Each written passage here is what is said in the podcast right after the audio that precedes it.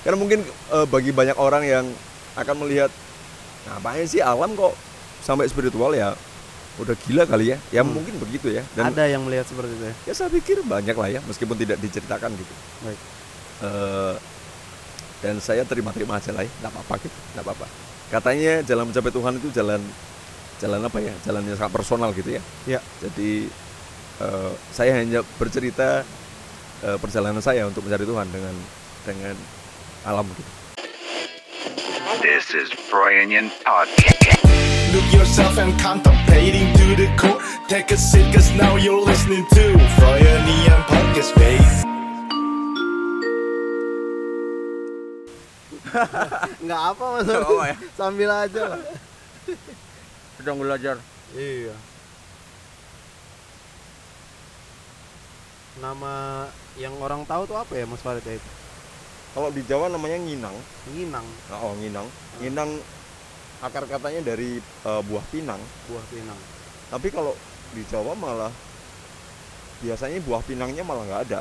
Ah, jadi jarang-jarang yang kemudian dapat eh, pinang. Biasanya cuma sama daun sirih hmm. terus kemudian kapur. Eh, kapur kalau di sini namanya njet. Jet. njet terus kemudian pakai gambir. Ini daun daun sirihnya Iya. terus kapurnya aku kasih tempat di sini ada kapurnya. Iya. tapi udah di- dilunakkan Diulang. terus ini gambir. Gambir itu kayaknya dari pohon pohon gambir juga. Ah, atau mungkin di sini ada pinangnya ya mungkin ya. Aku belum terlalu ini. Terus di- dicampur jadi satu jadi tiga elemen dikunyah hmm. terus nanti eh, diludahkan pertama kali ludahnya udah merah. Ah, terus kalau udah eh, bercampur dengan ludah baru ambil tembakonya Oh. Tembakonya buat ya nge- meratakan Iya. terus mulai di ini mulai di apa Kunyah. istilahnya, dihisap-hisap Oh dihisap ya. nah terus nanti masuk ke perut efeknya juga efek kayak nikotin sebenarnya ya Iya. terus katanya kalau kalau biasa menggunakan ini terus rongga mulutnya bersih karena biasa sirih kan dia buat membersihkan kan Oh. Iya, ini higienitas gitu kan Hmm. Eh, rongga mulutnya bersih tidak berbau hmm. terus gigi gigi dan gusinya kuat Oke. jadi kalau nenek-nenek saya ya terakhir mungkin nenek ya levelnya kita Iya, lihat nenek ya. nenek, nenek. nenek tuh giginya biasanya kelihatannya merah hitam gitu tapi kuat gitu jarang ada Hmm. yang lobang jarang ada yang gitu nah kalau saya karena sepertinya sudah terlalu banyak merokok gitu jadi sehari kayaknya aduh asupan rokoknya terlalu banyak sementara butuh nikotinnya jadi mencoba Oke. Aku boleh mas tahu yang yang ini ya mas ya? oke Iya. Oke. oh siap Ya, Hmm. ah, lebih clear. oh oke oke oke Ya, siap. oh sini ya iya mas. oke siap siap Eh, aku kan nggak merokok nih. Heeh. Emang nikotin tuh ngasih sensasi apa ke dalam tubuh Mas Farid? kalau secara biologisnya mungkin eh, nikotinnya ya nikotinnya membantu seperti halnya kafein Ya. ada ada teman-teman yang mungkin memilih kafein Ya. Eh, saya malah nggak terlalu kopi saya hampir nggak pernah minum kopi kecuali kalau pesan di warung keluarnya keliru gitu keluarnya kopi Iya. atau bertamu kemudian disuguhin kopi itu ya Iya. baru minum Eh, lebih ke nikotin sama tein Hmm, di teh ya di teh. di ya? teh teh banget saya gitu dan kalau teh sekarang kalau nggak ngetes heran udah udah pusing harus ngeteh. harus ngeteh karena terbiasa ngeteh dari kecil Oke. keluarganya keluarga yang ritus ngetehnya cukup pekat sehari bisa tiga kali keluar teh Wah. pagi eh, siang setelah makan siang Ah. terus malam itu selalu tiga kali teh Nggak dari apa-apa kecil. itu. Gula. nggak apa-apa ah sekarang terus treatmentnya tehnya lebih banyak yang gula sedikit atau non gula Iya, iya. dan nikotin gitu pilihannya dan alkohol alkohol masih alkohol masih Ini Mas Farid menggunakan sirih em, apa karena memang sudah aware sama kesehatan apa gimana sih Mas? Akhir-akhir Eh, ini. Oh, santai Mas. awalnya karena saya menyadari kebutuhan nikotin saya agak banyak Iya, terus menerka-nerka sepertinya mungkin menyirih eh, lebih sehat. eh, karena rokok kemudian masuknya ke paru-paru Iya. bahaya rokok kan selalu dibicarakannya kemudian merusak paru-paru Iya. Eh, apa ya mungkin tuh nar- narasinya kesehatan hari ini gitu kan Mm. Eh, kalaupun kemudian saya sering mempercayai jika kemudian rokok ada efek buruknya Mm. terus sementara nikotin kebutuhan nikotin saya masih cukup banyak Mm. nah siapa tahu sirih itu kemudian eh, nginang atau Iya. kabur sirih itu kemudian bisa memberi asupan saya eh, nikotin ke saya meskipun saya juga nggak tahu efeknya nanti gitu katanya juga ada efek buruknya gitu Iya, iya. tapi selain itu eh, saya sedang sedang belajar eh, untuk mengunjungi apa ya nilai-nilai yang eh, diwariskan sama leluhur Iya. termasuk praktek-prakteknya Iya. termasuk salah satunya eh, menyirih gitu eh, nginang gitu Mm. karena seingat saya eh, nenek saya nginang terus men- men- menurut cerita dari keluarga nenek itu kan satu dua tiga gitu kan ya Mm. kalau di empat dan lima itu kakek bahkan masih nyirih gitu Mm. jadi saya ingin mengunjungi aja gitu dan dan belajar kan ada alasannya mereka mereka nyirih juga kan Pasti. selain itu juga kemudian setelah saya baca-baca sebenarnya eh, kabur sirih makan sirih itu sebenarnya budaya yang hampir ada di setiap eh, pelosok Nusantara gitu mas dari Eh, Sumatera. Sumatera Utara. Sumatera Utara ada juga kan ya Mm, ada. disebutnya apa di sana Di sana namanya demban. demban Iya, mengunyah demban namanya. ah oke oke Iya. Bu. itu elemennya apa aja Sama seperti Sama kan? Ya, sirih juga terus aku baru lihat ada kapurnya sih, Mas. ah Mungkin kalau di dapur nenek ya nggak tahu racikannya apa ya. ya ya ya, Tapi ya. kalau aku dari uh, generasi yang lebih muda ngelihatnya kayak kotor. betul betul betul Iya, kayak kotor. Iya, padahal Tapi- sebenarnya mereka dan mereka melakukannya antar generasi kan. Berarti Iya, memang mungkin kita yang memang belum belajar aja gitu ya. Belum nyoba kali aku Belum ya, nyoba ya. gitu. Iya. Pahit sih. ya kayak kopi juga pahit cuman banyak Eh, yang betul, suka, betul. Iya. Nah, itu dia mungkin ya. Iya. Kalau di Flores, NTT, Ah, NTB itu masih banyak sampai sekarang masih banyak eh, kaum lelaki eh, di level mungkin di level bapak gitu ya. Hmm. Atau mungkin muda-muda sekarang masih ada yang gitu. Mm. Sedang baru nyoba, baru mulai beberapa saat tapi efeknya sedang mulai dirasakan gitu. Awalnya ya ya mau muntah, ya mau muntah kali-kali pertama. Terus biasanya di tangan, di mulut merah ya merah gitu Iya. ya. Langsung eh, kiri ya. Iya. Oh, Enggak, enggak, enggak. itu kan uh, sesuatu yang lampau biasanya apa ya terdengarnya nggak keren gitu loh mas ya. Ya, ya, ya. Mas Farid dapat apa setelah mencoba kebiasaan yang lampau yang dilakukan kakek nenek kita di sekarang ini Eh keren dan tidak keren memang memang menjadi bahasanya memang ya. iya ya Eh, tapi nggak usah nyiri deh. M- eh, misalnya salah satunya kemudian kebiasaan eh, nenek kakek kita, misalnya kemudian kebiasaan untuk saling sapa gitu. Oh ya Kebiasaan saling sapa itu mungkin sekarang jadi nggak ya kalau keren nggak keren mungkin eh debatable ya.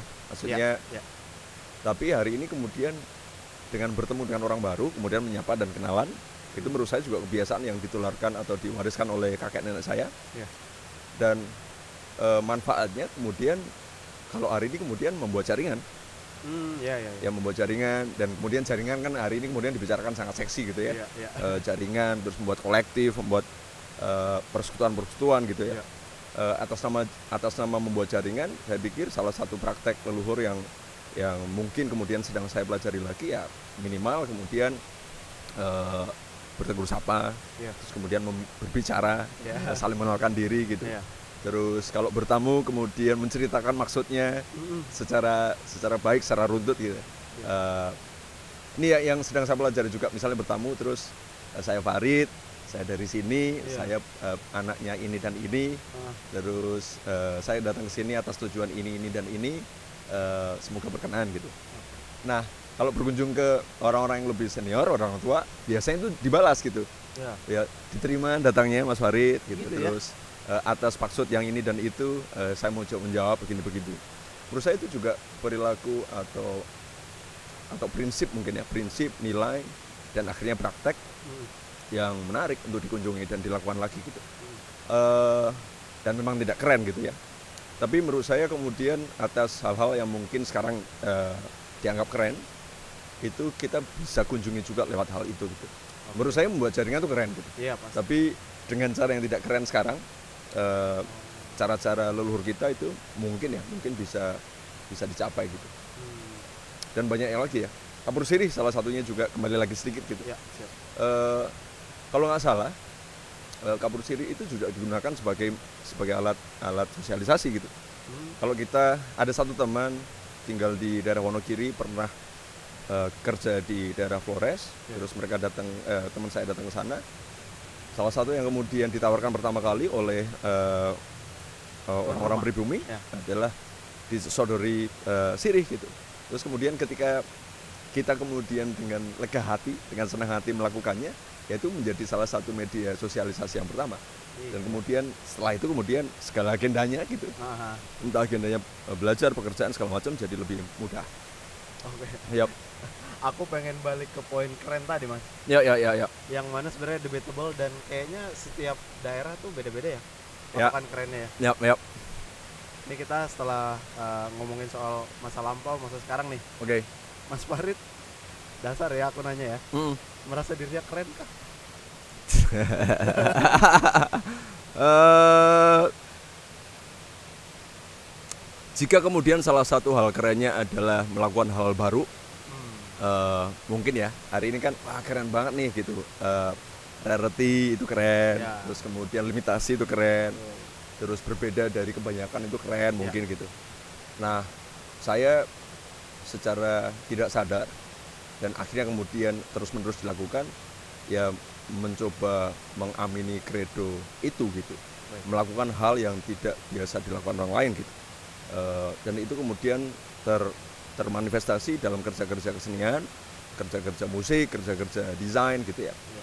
Ya sebenarnya akar dari kreativitas kan iya akar dari kreativitas dalam membuat sesuatu yang baru berbeda baik dalam dalam konteks ruang maupun waktu gitu ya Hmm. terus kemudian berdampak syukur-syukur gitu Iya. jadi segala macam yang kreatif menurut saya keren gitu Baik. jadi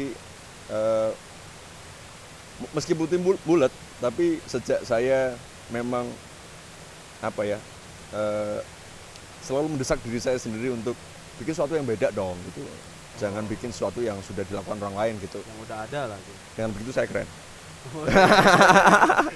Statement ya. Mem- anu, dengan begitu saya mencoba keren lah ya Oh, mencoba iya. keren. Yap yap. Tapi mungkin menurut mas gimana? Ya keren lah.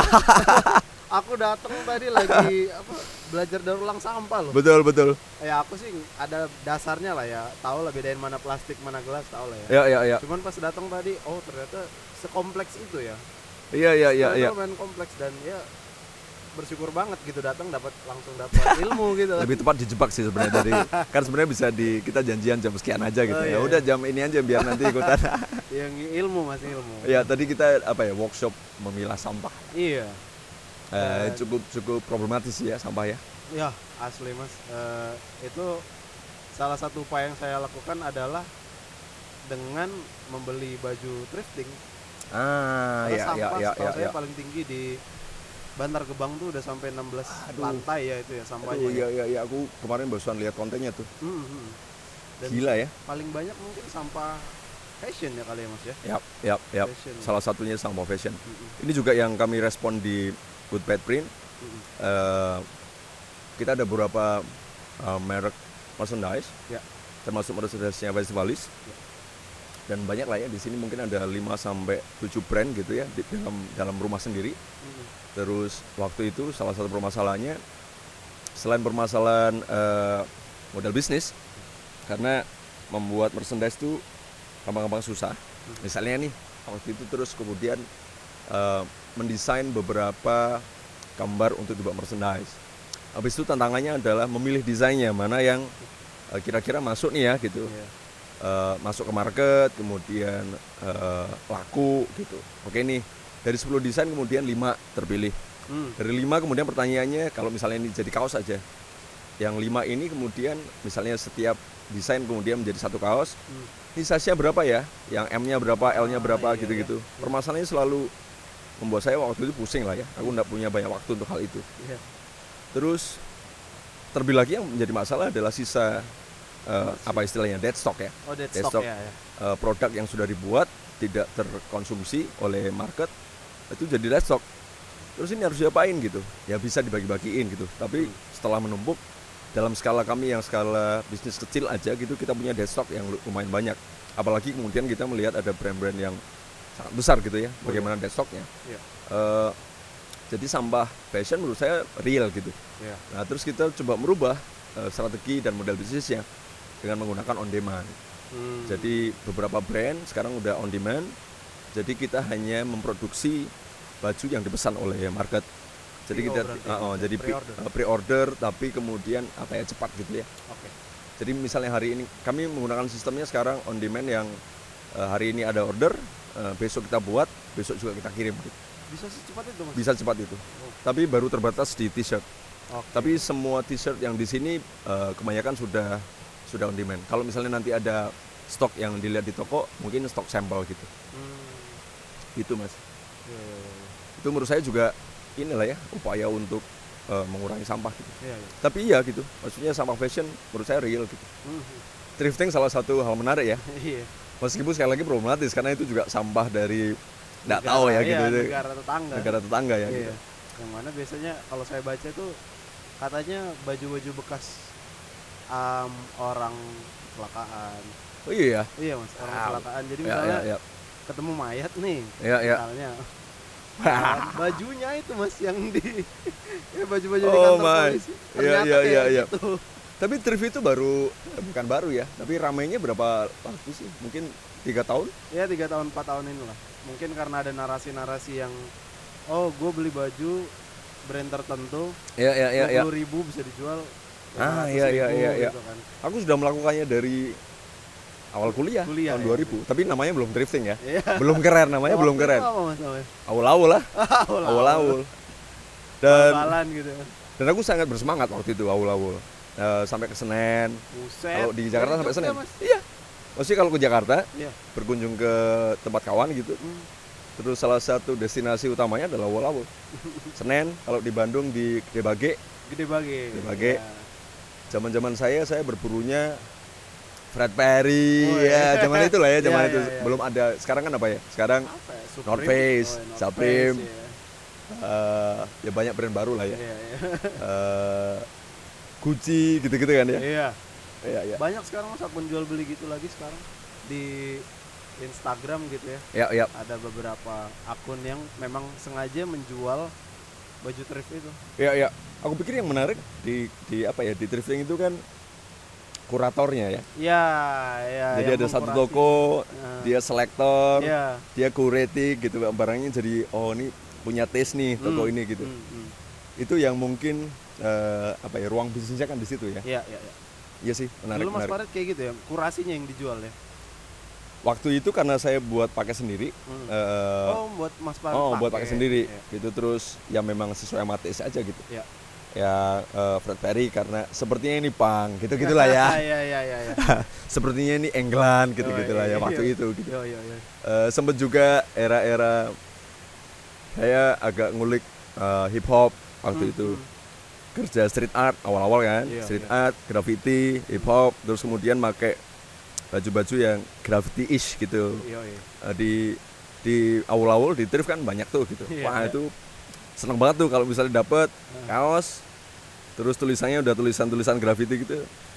Aku masih inget banget yang salah satu kaos yang waktu itu aku dapat itu tulisannya Majah Flava gitu. Macam. Major flavor gitu. Oh, iya. Tapi graffiti banget. Wah, happy banget.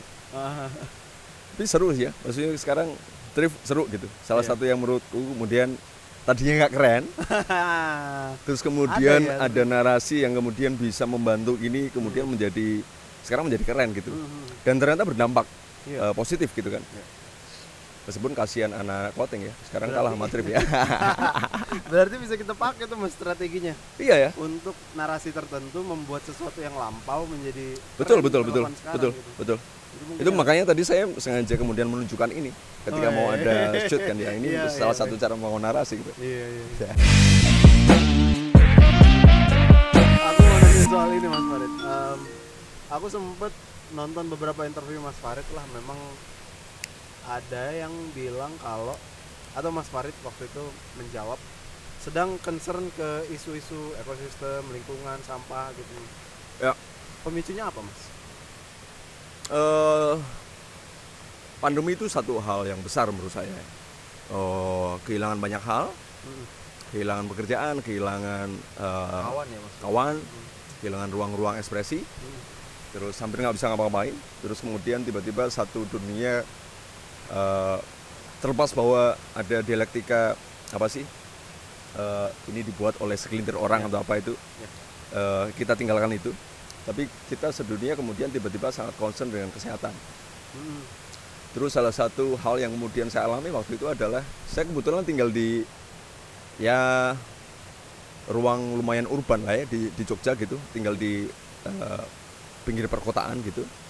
Terus saya ingat betul waktu itu ada anjuran dari para eh, apa ya orang-orang paham kesehatan bahwa salah satu upaya untuk kemudian menanggulangi eh, resiko terpapar penyakit itu adalah dengan berjemur di pagi hari.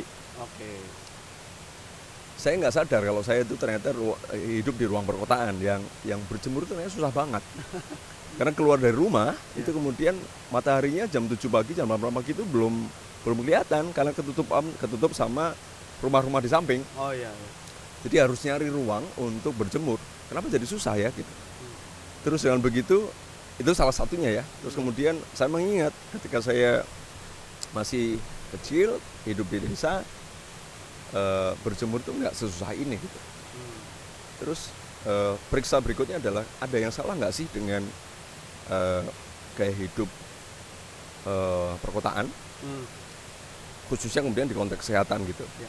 Nah, kemudian saya ingat betul bahwa saya udah hampir 20 tahun tinggal di kota gitu. Sejak kuliah ta- tahun masuk ke Jogja tahun 2000 eh, pandemi tahun 2021 lah ya, 2020 2021 saya udah 20 tahun eh, berpindah urbanisasi iya. dari desa ke kota atas atas motif eh, kuliah waktu itu. Terus kemudian berlanjut bekerja terus berkarir terus eh, aset sosial semuanya ada di perkotaan kemudian jadi lupa sama desa saya lupa sama eh, prinsip hidup tinggal di desa dan dan praktek-prakteknya gitu Iya. nah sejak pandemi kemudian saya lebih sering berkunjung eh, pulang pulang ke rumah saya di Gunung Kidul Iya. di tempat bapak ibu saya masih tinggal. Nah karena sering pulang, terus kemudian ya kemudian bertemu dengan pohon lagi, bertemu dengan tanah lagi, iya, iya, iya. bertemu dengan air, bertemu dengan masyarakat, tetangga. Terus mau nggak mau juga harus kemudian mempraktekkan lagi gitu ya. Eh, nah concern ke hal-hal yang yang yang yang berbau environmental gitu, Mm. ya dimulainya dari situ. Gitu. Mm. Jadi kemudian terdorong eh, kesadarannya untuk kembali memikirkan eh, alam lah ya, belajar gitu, Iya. belajar gitu. Nah awalnya hanya karena itu, karena kan, karena saya tercerabut dari desa gitu. Mas. gitu. Nah sekarang kemudian bergulung-gulung, jadi banyak hal yang kemudian saya coba pelajari lah tentang itu. Menanam pohon, memilah sampah, iya. membibit pohon terus kemudian me- mencoba me- melakukan eh, atau mempelajari seni-seni tradisi. Begitulah. Ini tema-tema saya sekarang pasca pandemi seperti itu. Yang tidak keren sama sekali. Wah. Oh, enggak lah mas. Kayaknya narasinya justru yang lokal yang lebih eksotik ya sekarang ya kayaknya ya. oh ya ya jadi ya. omongan ya ya kayaknya. ya. Ya meskipun eksotisme juga juga menjebak ya. Ya. Karena kemudian jadi jadi objek saja gitu ya. Aha. Eh, saya pikir eh, ada banyak hal lah yang memang harus eh, dipelajari lagi gitu. Mm. Eh, dan momentum pandemi menurut saya momentum yang baik gitu. Karena semua orang mengalaminya. Mm. dan setiap orang sepertinya juga kemudian memeriksa ulang Iya. eh, apa ya memeriksa ulang konsep hidup gitu Mm. Eh, konsep makan, konsep hidup, konsep bersosialisasi, konsep berteman, konsep bekerja bahkan gitu. Iya. Dan ketika memang momen pandemi kemarin eh, bisa digunakan, sebenarnya saya pikir eh, akan lebih banyak orang kemudian tiba-tiba aware dengan isu lingkungan hidup. Iya. Mas Farid sekarang boleh tahu saya usianya berapa? Saya sekarang 40, menjelang 41. 40 menuju 41 nggak berhenti belajar ya mas ya? eh mungkin salah satunya ya, salah satunya kemudian hari ini kemudian saya melepaskan kantor uh, Libertas Creative Colony sudah tidak tidak dalam eh, kendali manajemen saya Hmm. Itu salah satunya karena saya saya sepertinya kemudian di satu babak ini kemudian sudah eh, sudah merasa cukup Hmm. dan ingin memberikan ruang eh, pada diri saya untuk hal-hal baru lagi gitu. Jadi saya sadar penuh bahwa saya, saya ruang saya kemudian terbatas. Jadi kalau misalnya ingin mempelajari hal baru, memang harus menanggalkan yang lain gitu ya. Ah. Dan kebaruan itu menurut saya menarik gitu ya. Ya. Eh, misalnya kemudian beberapa tahun lalu saya pengen belajar masak steak, Hah, ya benar-benar belajar aja gitu. Iya. Terus akhirnya sampai berhasil untuk ma- masak steak buat orang-orang di rumah gitu. Wah, Itu menurut saya menarik gitu. Hmm. Terus berikutnya saya pengen belajar tato gitu. Hmm. Terus sekarang sedang belajar memilah sampah dari kita Iya, lakukan. iya. Eh, menurut saya yang yang akan membuat membuat saya kemudian nir umur, membuat saya kemudian ini menjadi tidak 40 adalah semangat belajarnya gitu. Oke. Kamu akan akan menjadi tua ketika kamu eh, kamu akan menjadi tua dan menyebalkan ketika kamu merasa sudah tahu semuanya Hmm. dan tidak mau belajar hal baru gitu. Dan kamu akan selalu muda ketika kamu adalah adalah orang yang bersemangat, orang yang penasaran, orang yang bahkan lengkap dengan gegabahnya, dengan kebodohannya, ya kamu akan selalu jadi muda gitu. Jadi eh, jika ada orang yang ingin berpikir, eh, ada ada orang yang punya punya pikiran untuk hidup selamanya, mungkin itu mustahil. Tapi buat saya eh, hidup selamanya itu mungkin dan muda selamanya itu mungkin hanya dengan cara tetap merawat keinginan untuk belajar. Keren banget. Ya apa ya? Ada ada banyak hal yang kita nggak tahu lah mas. Iya, iya, setuju. Dan saya takut menjadi tua dan menyebalkan eh, hanya dengan menjadi karakter orang tua yang sok tahu aja. Iya, Meskipun ini tadi berapa menit udah sok tahu tuh saya. Ini berapa? 28. Saya ngefans banget dan makin ngefans saya dengar jawaban itu, Mas. Terima kasih banyak mas. Iya, karena saya kan sekarang umur 27 Hmm, dan di umuran saya tuh sudah mulai apa ya haus untuk merasa bodoh lagi. Oke, Ya, oke, makanya saya mulai nyebur sepedahan tuh karena bersepeda itu sesuatu bidang baru kan. oke, oke, Yang mana banyak banget variabel yang saya nggak ketahui. oke. Justru yang yang saya nggak ketahuin ini malah menyenangkan gitu. Oh ini susah. Ah, so, ini. ya, ya, ya, ya, Dan itu selalu membuat oh kayak kita baru belajar sepeda waktu masih kecil mas. ya, ya, ah, ya, Jatuh ya, ya, sakit ya, ya, cuman ya udah ayo gas lagi. ya, ya, ya, ya, ya. Road atau gravel? Sa- gravel. Gravel ya. Iya. Wow. Oh mas Faris sepedaan juga. Eh, ada sepeda, Hah? gravel juga gitu. Mantap. Ya, alam-alam lah ya. Iya. Alam-alam. Beriringan semua ya mas ya. Yang lagi Ya, mas ya. konsumsi ya. Iya, ya. Tiba-tiba aja terhubung gitu ya. Iya, iya. Tiba-tiba terhubung. Apa sih yang didapat kalau misalnya ke alam gini mas? Ini aja saya baru nyampe ya, dengar suara angin air gini nih. Ya, ya, Wah, ya. seru sekali. Eh, jadi kerasan mungkin ya. iya, betah betul. Apa ya? Balik ke alam terus kita.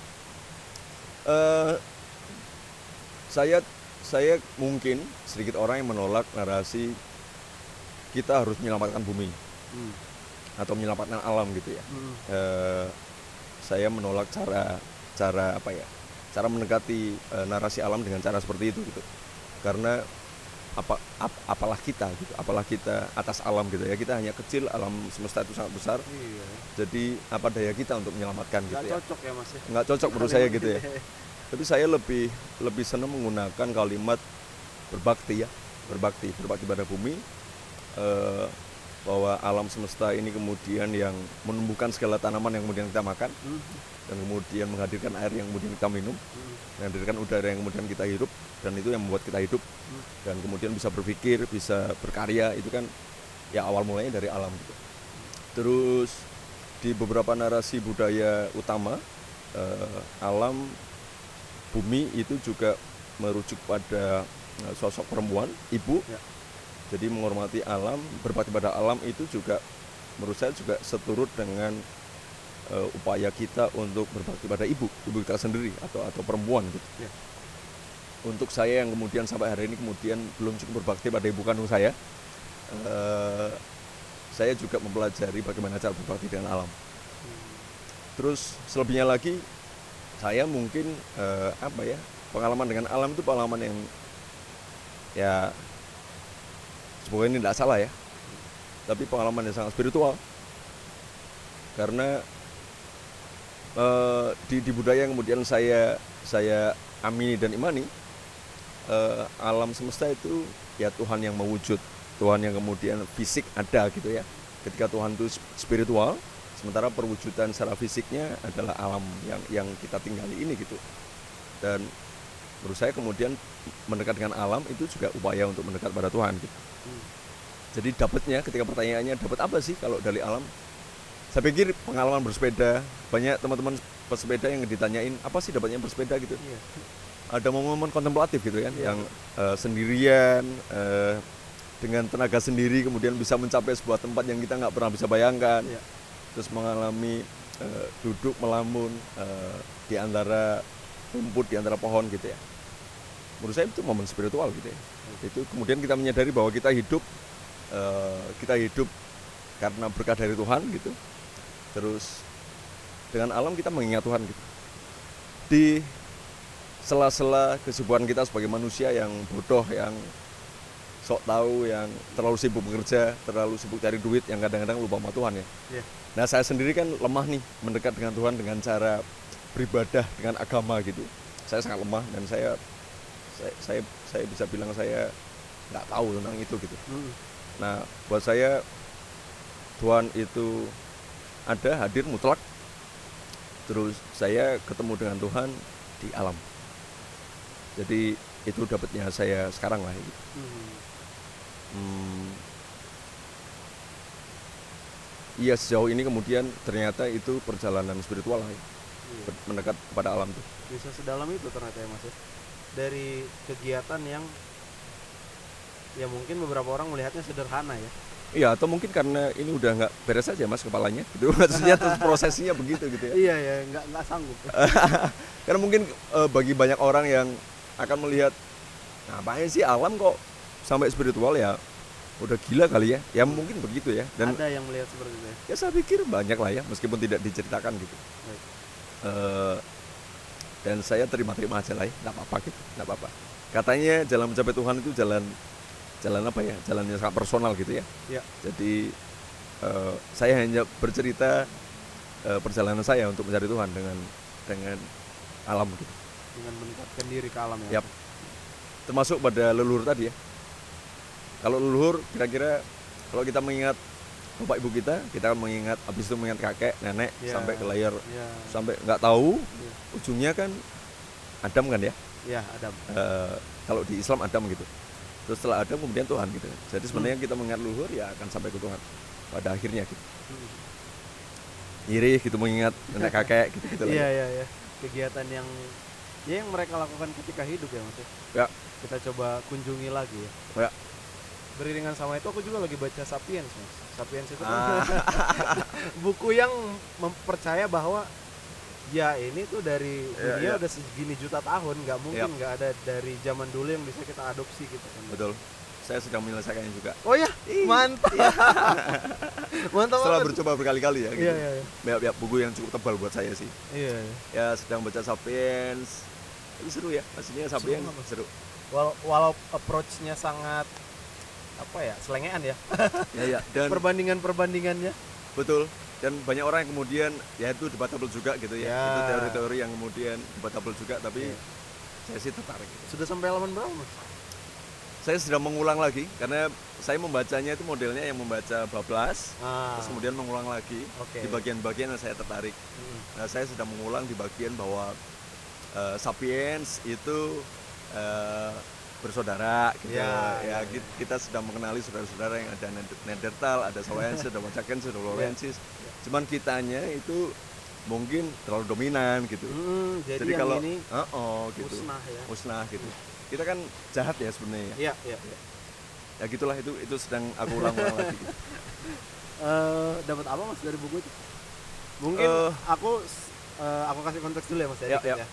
para pendengarku ini emang um- umuran SMA akhir sama first jobber lah Ya, ya, ya. mereka ya. tuh sering nanya sama aku buku apa yang lagi abang baca gitu Hmm, hmm, jangan dariku terus mungkin bisa dari Mas Farid nih Ya, ya, tapi Kita Mas ternyata Farid juga ya.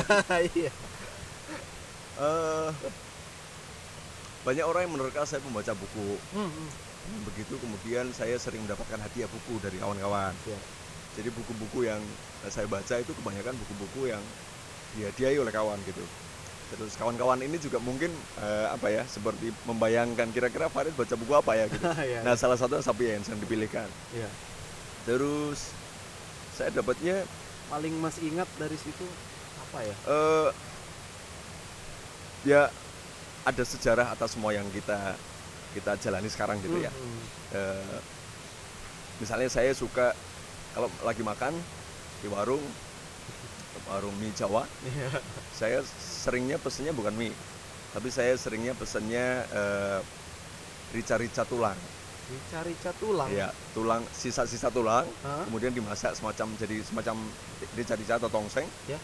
Terus, aduh saya nuludan. terus saya biasanya mintanya pedas gitu, terus pakai nasi hangat gitu. Itu cuma saya lakukan aja gitu. Tapi di buku Sapiens saya menemukan bahwa dulu manusia purba, kakek nenek kita, Ya. itu tidak sedominan sekarang. Hmm. Terus mereka hanya makan sisa-sisa makanan dari predator yang lebih unggul. iya iya Dengan begitu mereka hanya mendapatkan sisa-sisa daging di antara tulang. Mereka Waduh. kemudian punya budaya makan sumsum karena Iya. tulangnya mungkin tidak tidak mampu dikunyah oleh oleh predator. Iya. Terus kemudian manusia dengan alat bantu batu kemudian bisa memecah sumsum itu. Terus sekarang jadi "Si anjing nih berarti aku makan sumsum sama tulang ini sebenarnya kan merujuk pada pada sejarah itu gitu ya. Iya iya iya. meskipun tidak linear gitu. Tapi aku mendapati hal-hal itu gitu. Jadi dan banyak ya titik-titiknya dalam buku itu yang Oh, yang menurut saya kemudian eh, ter- terrelasi dengan baik dengan sejarah sejarah manusia gitu. Hmm, hmm. Eh, manfaatnya apa sih kalau misalnya kita bisa merunut ke sejarahnya gitu? Ya kita jadi tahu identitas kita itu. Iya ya sebenarnya kemudian aku bisa bilang sebenarnya aku itu purba kok gitu. Aku tuh sebenarnya masih purba aja gitu. Cuman cuman sekarang atas kehidupan eh, budaya teknologi itu Iya. kemudian seakan-akan kemudian kita menjadi manusia yang yang maju yang iya.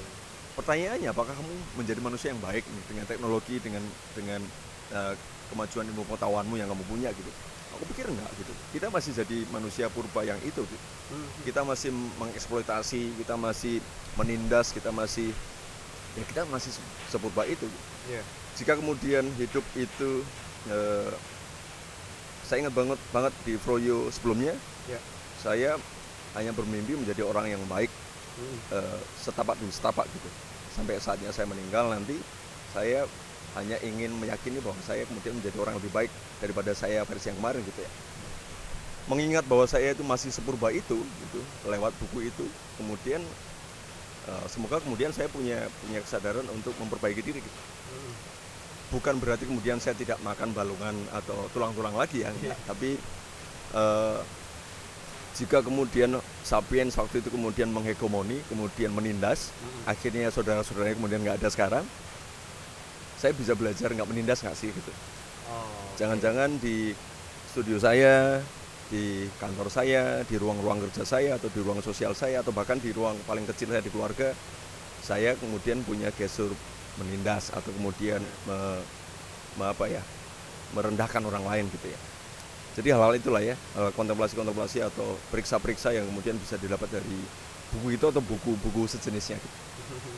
Masa mas rekomendasikan kayak itu buat orang yang eh, Eh, cocok dengan karya Mas Farid Saya rekomendasikan untuk orang-orang yang kemudian tidak ici atau tidak gatel dengan narasi-narasi yang non agama.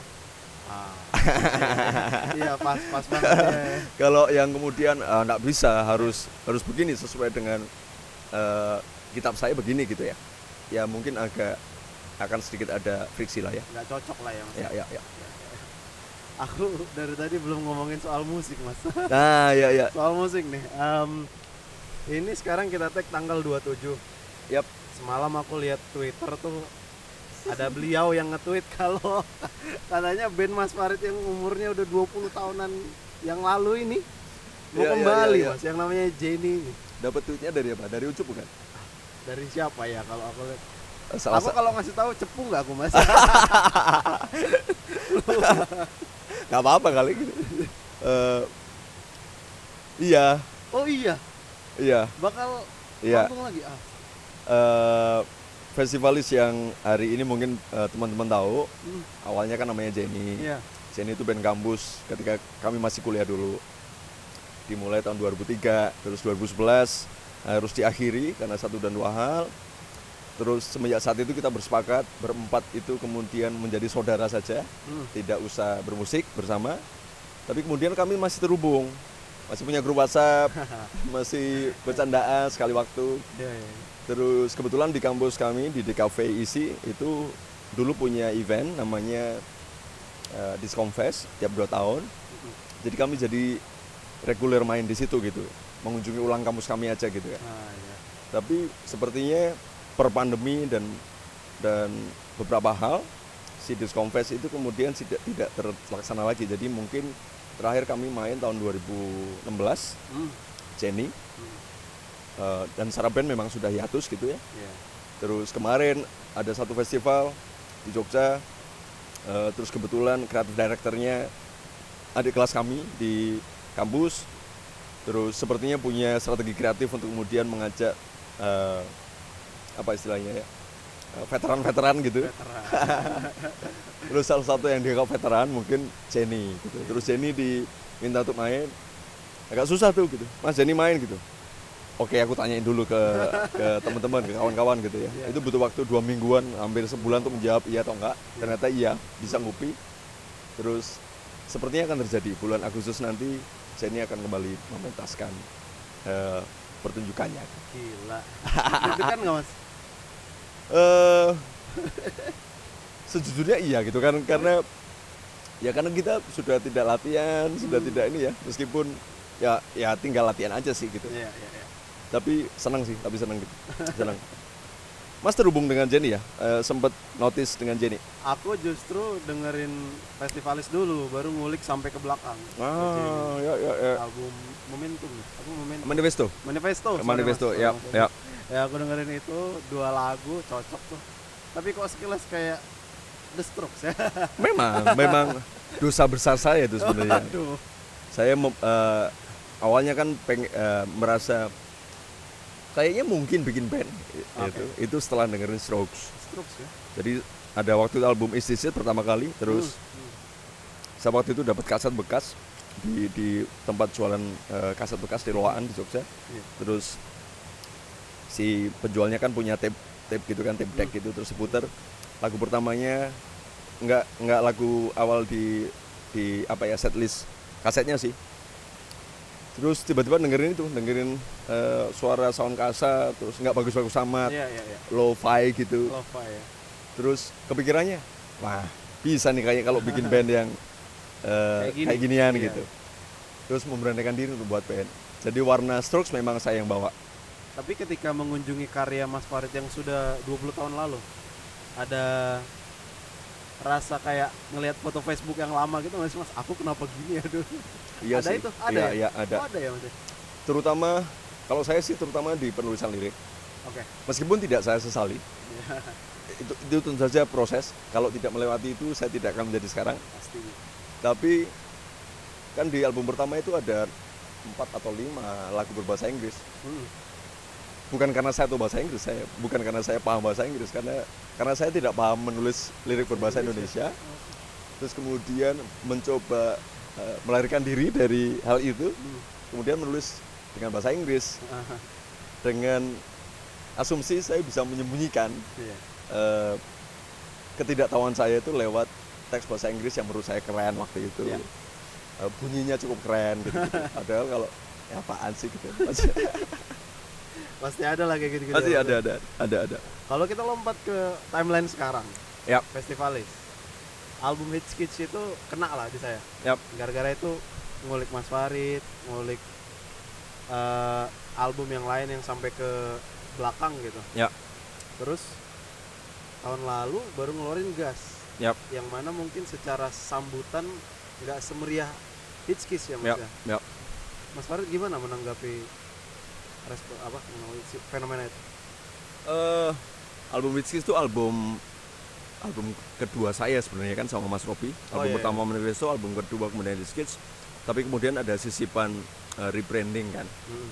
Jadi memang ada misalkan untuk kemudian ya harus mendefinisikan si festivalis apa, Iya. si Jenny apa, festivalis apa gitu. Dan menurut saya kemudian eh, responnya itu juga seturut dengan ekspektasi orang atas setelah Jenny akan seperti apa gitu. Ada Oh, iya. ada kebaruan ya, apa gitu ya. Iya. Tapi untuk yang album kedua, yang album Festivalis 2 itu tegangannya nggak berbeda menurut saya. Tegangannya adalah eh, setelah setelah Festivalis kemudian didefinisikan oleh Hits Kids, terus kemudian kita akan bergerak ke mana gitu. Nah, ya. Jika kita mengulang eh, kekaryaan, metode kekaryaan atau hasil karya yang akan seperti Hits Kids, saya pikir juga tidak menarik untuk untuk eh, teman-teman pendengar, kawan-kawan pendengar. Tapi kalau misalnya sangat eksploratif, kemudian akan akan apa ya? Akan Kaget jadi juga, susah untuk iya. teman-teman untuk kemudian menjangkaunya gitu. Jadi album 2 itu kemudian ada eksplorasinya ya, tetapi kemudian tidak meninggalkan identitasnya.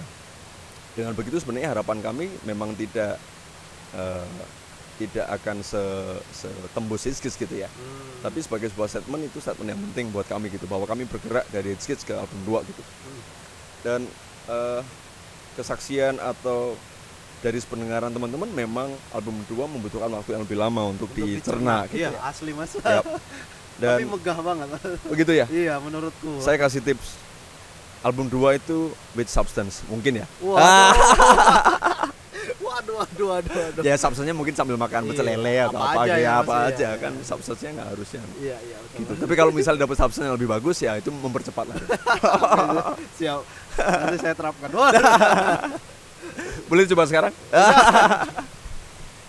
Oke, oke, oke. Iya, iya. Berarti harus ini ya, harus lebih apa ya, se- semacam mengajak pendengar untuk dewasa bareng gitu ya, Mas. ya? Itu Eh, bukan statementnya. Mungkin mengajak berproses bareng ya. Berproses bareng. bareng. gitu ya. Kalau diajak mendewasa, saya pikir kami juga belum sedewasa itu. Eh, tapi kalau misalnya kita mengajak untuk tet- tetap bergerak, ya gitu. Ya. Bahwa dari It's Kids, Manifesto, menurut saya kemudian mendefinisikan Jenny, It's Kids mendefinisikan festivalis di era itu. Ya. Terus album kedua juga mendefinisikan eh, proses kami di lima tahun terakhir sejak It's Kids. Hmm. Dan alangkah ruginya kami kalau kami tidak membicarakan babak yang kami alami di lima tahun terakhir kami memproses Ah, Kids itu. iya, iya. Eh, ya termasuk urusan rilis di masa pandemi itu juga kan untuk untuk eh, perhitungan eh, apa ya eh, teknis manajemen gitu kan merugikan tapi Iya. kami pikir ya ini momen yang tepat karena memang memang kami ada di situ gitu ya mengalami itu dan ya kenapa nggak kemudian kita rilis di masa pandemi Jadi kayak mengabadikan rasa yang dialami pada saat itu ya, Mas ya. betul Tujuannya ya. karena bukankah bukankah karya sebaiknya begitu ya Eh, salah satu hal yang kemudian paling rendah yang bisa dicapai dari karya adalah merekam zaman saja gitu Hmm. tanpa punya tanpa punya pretensi untuk kemudian mewacanakan apa pun eh, idealisme idealisme apa pun tapi buat kami sebenarnya prakteknya sederhana kok kami hanya merekam eh, zaman yang yang kemudian kami lewati kami rasakan dan mungkin juga bukan mungkin zaman yang sama tapi mungkin tidak dirasakan oleh orang lain Iya.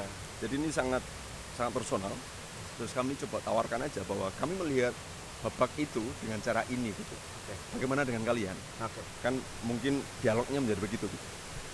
Eh, dan itu juga ternyata sejak manifesto begitu Hmm. Kids juga begitu kami hanya menawarkan ini bacaan kami atas zaman yang kami alami gitu apakah apakah ada yang sepakat mungkin Hits Kids banyak yang sepakat gitu. Iya. Sedangkan eh, album 2 mungkin tidak sebanyak Hits Kids yang sepakat jadi menurut saya enggak, enggak terlalu enggak terlalu dari masalah bahwa kemudian salesnya banyakkan Hits Kids Streamsnya dua ya. streamnya gitu kami tidak di situ lah ya Oke, baik. Yap. Mantepnya itu nggak geser apa-apa ya Mas ya ke Nggak. dalam ya. Nggak.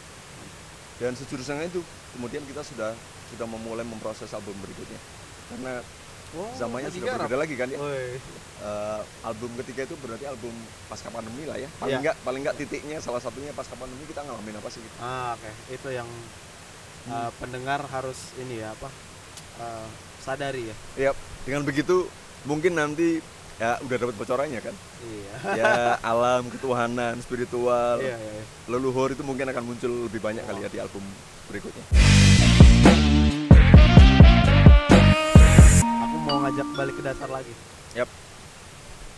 harus gimana sih mas orang sampai akhirnya dibilang seniman Eh, saya pikir nggak bisa seniman itu self proclaim gitu, Oke. self proclaim artis gitu. Eh, saya sih lebih senang menyebut diri saya sebagai perupa sekarang ya. perupa ya M- merupa saja bekerjanya kemudian merupa me- menghasilkan produk-produk atau karya-karya rupa gitu. Eh, baik itu desain baik itu painting baik itu eh, instalasi segala macam. Tapi bahwa saya menjadi seniman atau belum itu sebenarnya nanti harusnya orang lain yang kemudian menyemat gitu ya. Hmm. apakah saya layak atau belum gitu ya. Tapi sejauh yang saya pandang atas karena saya juga menyemat menyemat eh, predikat seniman pada orang lain kan gitu. Iya. Nah, artinya kan saya memproses itu juga. Iya. Ada ada yang kemudian belum saya semati sebagai seniman, ada yang sudah gitu. iya Buat saya salah satu hal mendasar yang membuat membuat seseorang menjadi seniman adalah eh, melakukan hal yang yang yang dia yakini, hmm. melakukan hal yang benar-benar dia yakini, terus kemudian dimanifestasikan menjadi karya gitu. Hmm. eh, itu menurut saya kemudian ah, ini orang nih seniman nih gitu. oke oke Dan yang mereka yakini bisa jadi adalah hal-hal yang kemudian kita ragukan. oh oke Kemudian lewat karya itu, itu kemudian bisa mempengaruhi saya. Baik. Bahwa kemudian lewat karya, lewat karya mereka, dia lewat kemudian ca- eh, cara dia me- menceritakan karyanya, cara dia membawakan diri dalam publik, itu membuat saya kemudian berpikir ulang bahwa ini menarik ya menjalani yang dia jalani gitu ya. Iya. eh, mempengaruhi saya gitu dan dengan begitu saya kemudian menyemat ini adalah ini adalah seniman gitu oke jadi kalau misalnya eh, ya akhirnya kemudian jika hanya menggambar saja jika hanya bermusik saja jika hanya eh, membuat karya saja tapi kemudian tidak punya keyakinan yang diperjuangkan saya pikir juga ya masih masih jauh lah ya dari hmm. dari predikat kesenimanan yang yang yang tadi ditanyakan gitu ya. Hmm, hmm, hmm. dan saya pikir itu juga proses yang panjang. Jadi saya tidak mau buru-buru kemudian eh, bukan itu ya. Saya juga tidak tidak yakin bahwa kemudian ada ada masanya kemudian saya menjadi seniman. Oh ya? Tapi saya yakin bahwa saya sedang berusaha untuk membela keyakinan saya gitu apa yang saya yakini dan kemudian saya coba tawarkan ke publik lewat karya-karya itu dulu ya mas ya Iya. bukan saya seniman justru eh, gimana saya membawa yang saya yakini ini ya Yap. Hmm. dan kemudian di, di- dilontarkan pada pada orang lain Hmm. eh, lewat karya gitu dan itu mungkin pola yang saya lakoni juga di musik di seni rupa di desain bahkan gitu ya ya desain mungkin eh, agak agak susah ya untuk di karena desain kebanyakan praktek-praktek desain saya masih kebanyakan di desain komersial Iya. tapi tawaran-tawaran bahwa saya meyakini begini nih ya sudah saya ceritakan lewat karya apakah itu akan membuat saya menjadi seniman nggak tahu tapi ya biarlah nanti eh, publik yang me- membaca atau melihat atau mendengarkan karya saya yang kemudian akan, akan me- me- menilai Oke. Berarti seniman pun harus punya narasi ya Mas ya, yang dibawa dia ya. Eh jika menurut saya kemudian jika ada prinsip ada nilai ada keyakinan yang kemudian dibela narasi kemudian akan akan menubuh padanya gitu ya Hmm. karena ya munculnya prinsip, munculnya ideologi, munculnya keyakinan itu kan juga dari narasi-narasi yang kemudian diasup gitu ya. Iya. Ya, kemudian itu dibangun atas dari narasi juga gitu. Iya. Jadi iya betul harus punya narasi, harus punya pertanggungjawaban atas karyanya, harus punya eh, harus punya logik atas karyanya juga. Gitu. Iya. Penting sangat untuk kemudian mencapai hal itu. Oke. Ini kalau misalnya teman-teman yang lebih muda nggak tahu bisa menyerap menyerap apa enggak ya. saya agak saya sendiri agak mikir dulu. Oh, oke. Kayak setiap statementnya tuh saya endapin dulu. Oh, oh iya iya masuk masuk. Mungkin nanti eh, Mas berapa 27 27 Mas. mungkin 13 tahun lagi kan seumuran saya Ah, ah. nah, mungkin nanti dilihat lagi aku aja video yang Mas Farid di interview Froyonion yang pertama mas Eh iya itu iya. aku iya. yang sebagai videografer kan Ah, oh iya. iya mas aku itu Iya Tuhan. Iya, iya. oke oke maaf. aku maaf, yang pegang kamera maaf, maaf. gini Mas Farid sambil Iya, iya. minum minuman enak tuh Maaf kan aku nggak ingat tadi ya. Nggak apa-apa. Eh, iya iya. Waktu itu sama Mas Ari Mas Ari. iya Dihubungkan sama Mbak siapa aku agak lupa. Lydia Ah, iya iya iya. itu dia mas Aduh, ya ya. Salam saya buat teman-teman ya, Siap, buat kawan-kawan yang masih terhubung. video itu saya harus nonton 3-4 kali baru ngerti mas itu karena aku tahu Mas Farid ini ngomongin hal yang penting yang yang menurutku harus harus saya pahami gitu Oke. di situ Mas Farid kan bilang ada tiga medium untuk merespons lah ya Ya, musik ya, ya. untuk bersosialisasi ada desain untuk Duit. cari duit ada berupa untuk mengejawantahkan ego yang tidak bisa dihardik yuk, yuk, yuk. kalau kita mengacu ke interview itu mas ada perubahan gak sih atau ada perkembangan guys Eh, perkembangannya tentang perkembangannya. Oh, maaf. nah. Perkembangannya tentang uang. Tentang uang. Tentang uang. Ketika waktu itu saya kerja desain untuk cari uang. Terus eh, as a matter of fact bahwa hari ini kemudian saya sudah tidak mendesain lagi. Iya. Ya saya mengurangi sangat drastis lah ya. Eh, saya masih mendesain beberapa beberapa project yang saya pilih. Eh, tapi sangat jauh berbeda dari era itu. Mhm. terus kemudian dari mana datangnya uang untuk saya kan gitu. iya nah yang baru ten- bukan tentang sekarang saya punya uang Oke. terus kemudian saya nggak ngedesain tapi ternyata uang itu permukaannya terus di bawah itu ternyata tentang cukup dan tidak cukup kan gitu. iya iya iya jadi hari ini kemudian saya ada uang tidak banyak tapi ternyata cukup tuh gitu Ah. jadi kemudian eh, kalau misalnya waktu itu adalah uang sosial dan ideologi kemudian mungkin hal yang lebih mendalam lagi ya ya uang itu tentang keberlangsungan hidup eh, itu alat tukar Mhm. tapi kemudian ada yang lebih mendasar ya kamu mau seberapa gitu iya cukupnya ya mau ya? cukupnya mau seberapa gitu Nah. dan hari ini kemudian anak istri saya masih bisa makan saya syukuri eh, tidak kehujanan saya syukuri terus kemudian ada sedikit uang untuk untuk beli rokok untuk beli abur sirih. Saya syukuri kalau ada lebih untuk beli eh, minuman enak paraphrasing gitu. Iya. Dan cukup ternyata gitu. Iya sementara hal yang kemudian pengen ini pengen itu tentu saja kemudian masih masih banyak tetapi Ada ya. eh nggak se nggak se apa ya? Eh eh haus. Enggak sehaus dulu gitu ya. Ya ya sudah lah ya ya, Ya. sudah gitu. Itu yang kemudian kemudian sedikit yang berbeda dari itu gitu. Terus yang berbeda eh, tambahan lagi kemudian ada tiga pilar uang kemudian mungkin hari ini kemudian buat saya udah udah nggak aku pikirin gitu ya. Wah. sedapatnya aja. Ya.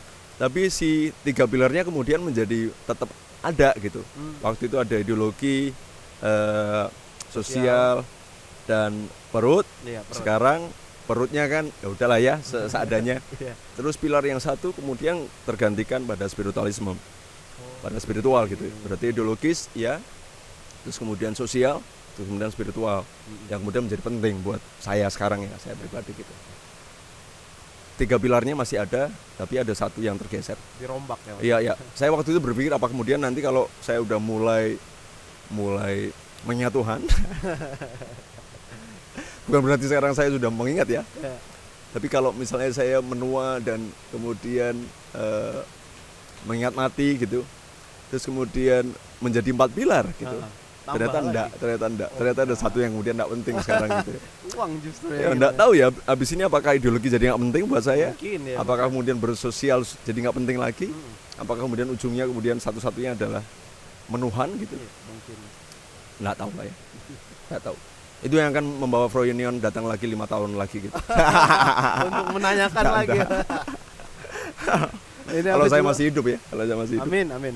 Ini juga saya mau nanya, em, gimana mas caranya untuk nggak peduli duit?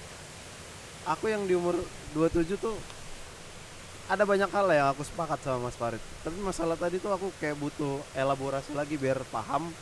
Baru mungkin aku kayak, oh paham beneran ya ya ya, ya. gimana mas tahu kayak tuh nantilah gitu Salah satu berita yang sedang agak naik belakangan adalah UMR Jogja, Jogja. paling rendah, iya tapi tingkat kebahagiaannya katanya paling salah satu yang paling tinggi gitu. iya iya. Ya, menurut saya kemudian uang penting, money can buy happiness, katanya begitu gitu ya. Eh, tapi banyak orang juga money can buy happiness gitu. iya Tapi menurut saya happiness dan duit itu tidak terhubung. Karena coba rasain pas punya uang happy-nya kayak gimana. Pas Hmm. nggak punya uang mungkin hari ini kemudian jadi sangat sedih gitu ya. Yang perlu diperiksa adalah kenapa sih kamu nggak punya uang terus kemudian jadi sedih jadi nggak happy gitu. Nah itu dulu yang diperiksa menurut saya gitu. Terus berikutnya kenapa kemudian hal-hal yang mem- membuat kamu bahagia adalah hal-hal yang kemudian harus ditukar dengan uang eh mungkin titik kritisnya di situ gitu ya. Iya, iya, iya. apakah kamu apa ya eh, eh, eh, em, sebab bahagiamu itu karena hal-hal yang kemudian harus tukar dengan uang? Hmm. jika kemudian kamu bisa bahagia dengan hal yang sederhana berarti kamu tidak membutuhkan uang segitu banyak.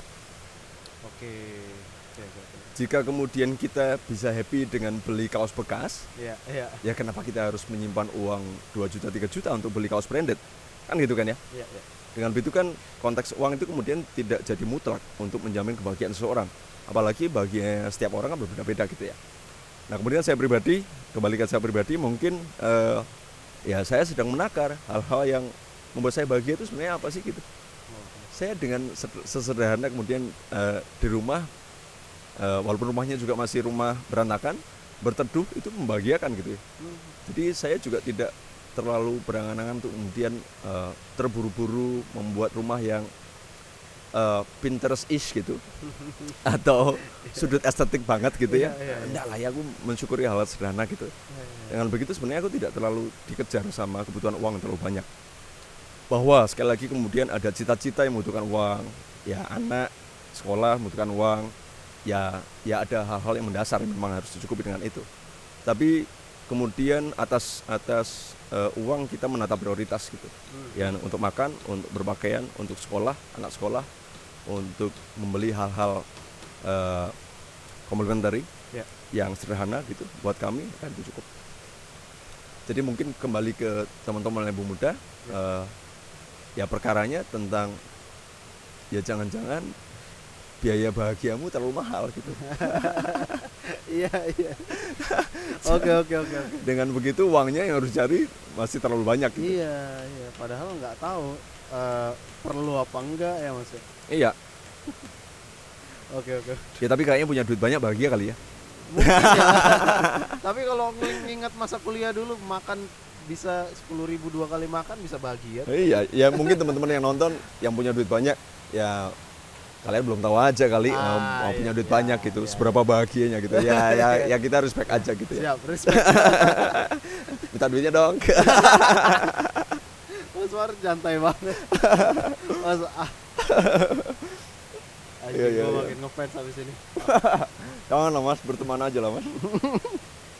kenapa gitu mas mas Farid kenapa Eh, susah menerima konsep idolizing atau bagaimana sih fans eh, fans tuh akarnya apa sih? Fanatisme ya. fanatisme iya betul Iya kan? iya Fanatisme itu ya ada baiknya tapi kayaknya buruknya juga banyak kan. iya Misalnya kemudian ketika ketika ngefans itu kemudian hal-hal yang buruk itu kemudian tidak dihitung.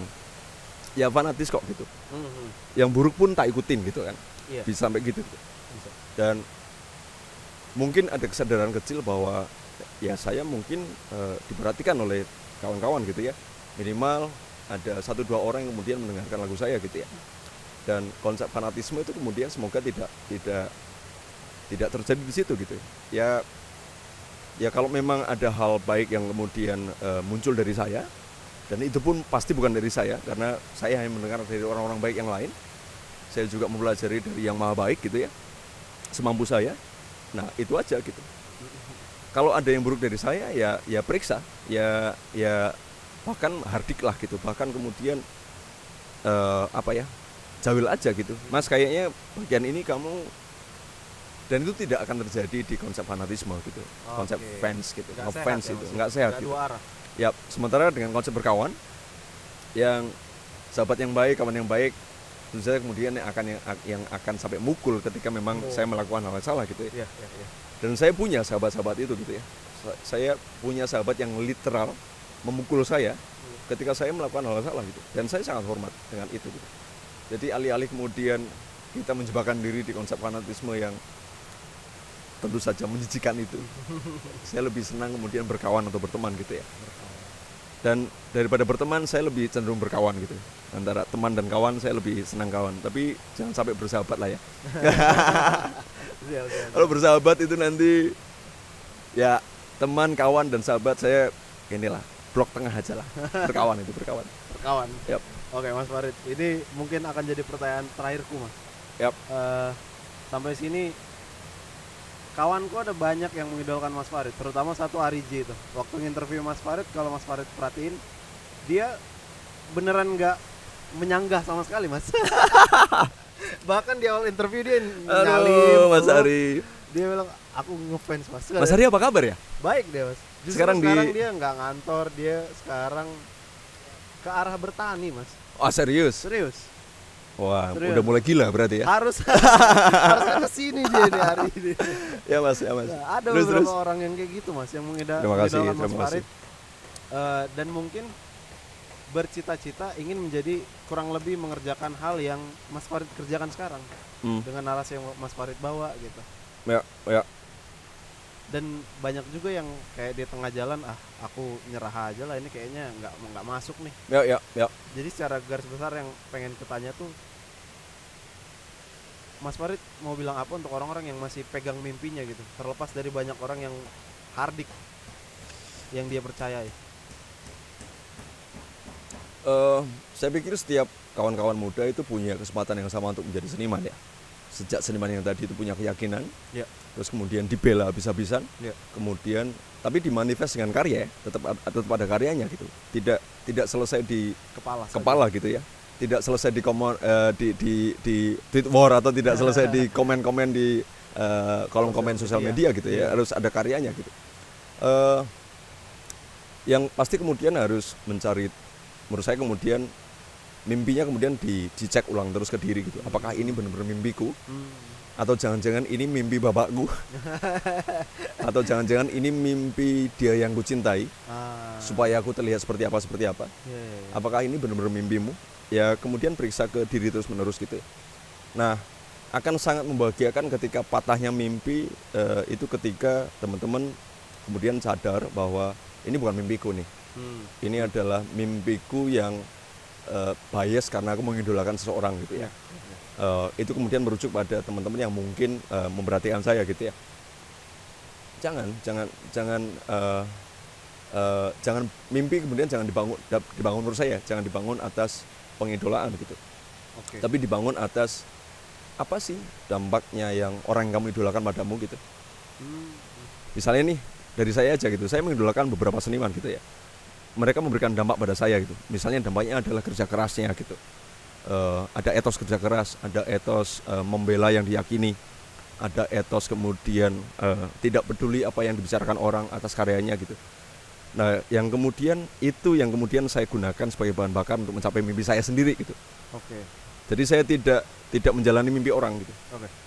dengan begitu eh, memeriksa terus menerus mimpimu apa toh gitu? Cita-citamu apa toh?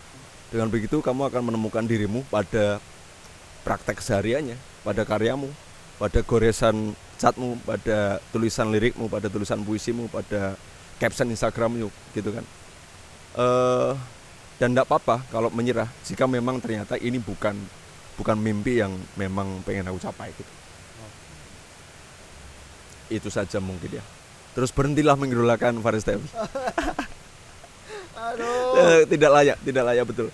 Ini aja gara-gara obrolan ini saya ngefans kayaknya. Mungkin saya ingin berkawan. jadi. berkawan mas Iya. berkawan berkawan berkawan Mas ya. terus sejak saya tahu juga kawan-kawan Prounion mendengarkan tadi umurnya 27. eh, kalau teman-teman karakter Uh, pendengar tuh ya penon- mungkin 17 ke 25. saya mau kasih di- disclaimer tentang merokok hari ini saya merokok sepanjang eh, podcast saya merokok di di interview yang pertama saya merokok. Saya tadi menceritakan saya merokok mulai umur eh, mulai semester 6 kali ya. Enam ya. kuliah. Itu sejak kali pertama saya dapat duit sendiri. Waduh.